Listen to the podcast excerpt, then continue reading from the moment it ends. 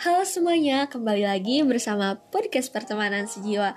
Gimana nih kabarnya? Semoga sehat selalu ya. Pada episode kali ini, pertemanan sejiwa akan sharing tentang salah satu gangguan mental yang banyak banget dialami orang-orang, terutama remaja nih.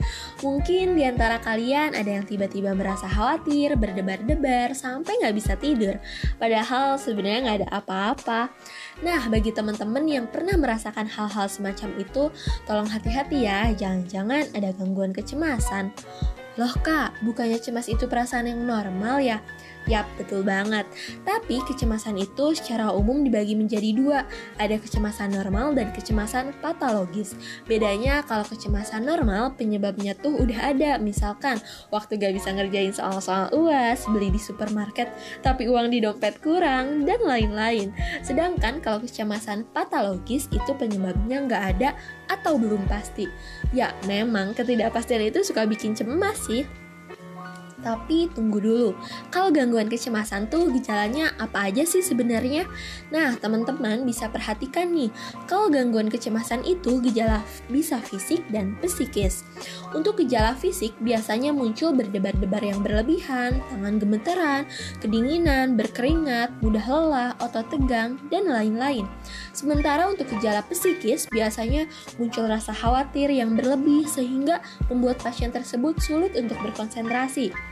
Bahaya nih kalau gangguan kecemasan ini tidak segera diatasi, maka bisa muncul gejala-gejala yang lain. Contohnya, diare, kepala pusing, dan hiperhidrosis yang ditandai dengan telapak tangan atau kaki yang berkeringat.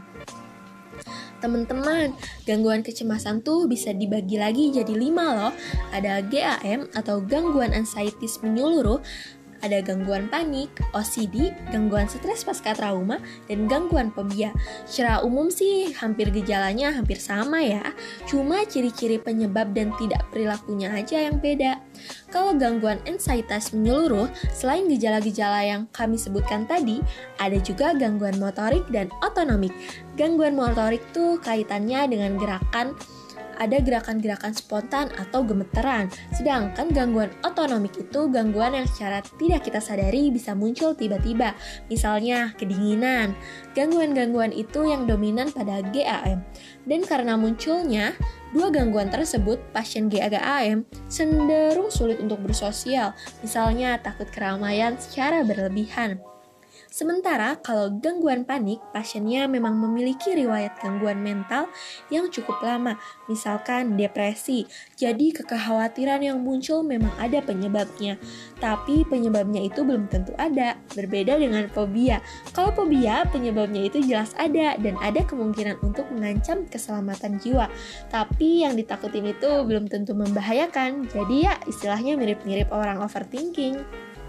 Kalau OCD alias Obsessive compulsive disorder itu adalah orang-orang yang punya kekhawatiran terhadap suatu kejadian sehingga dia akan melakukan tindakan umpan balik secara terus-menerus. Misalnya gini deh, ada orang OCD terhadap kerapian baju. Gak tahu kenapa ketika dia lihat baju yang berantakan sedikit aja, badannya langsung gemeteran dan timbul perasaan khawatir.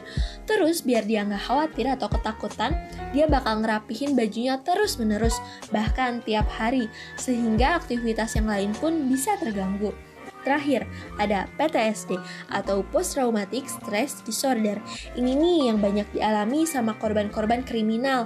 Misalnya ada orang yang habis kecopetan, copetnya pakai topeng warna hitam. Sejak saat itu, setelah dia ngeliat orang-orang yang pakai topeng hitam, dia selalu ketakutan, kekhawatiran, badannya langsung lemas, dan lain-lain. Jadi kalau teman-teman pernah merasakan gejala-gejala tadi, hati-hati ya, teman-teman bisa langsung periksakan ke psikolog atau psikiater. Hmm, tapi emang gangguan kecemasan itu itu bisa disembuhin ya.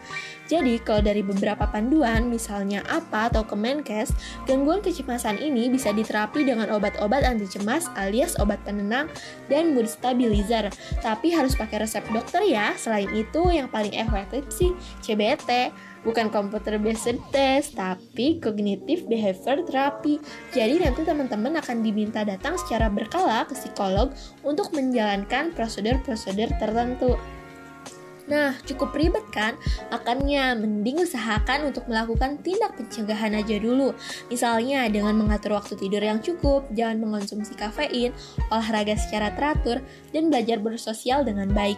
So, gangguan kecemasan itu emang ngeselin, ngegangguin banget sama pola hidup kita. Tapi selama kita menjaga kesehatan mental, maka pola hidup kita juga akan tetap terjaga.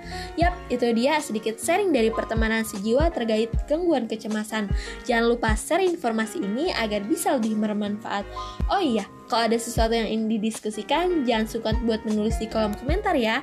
See you guys, sampai jumpa di podcast selanjutnya. Salam hangat dari kami, keluarga pertemanan sejiwa.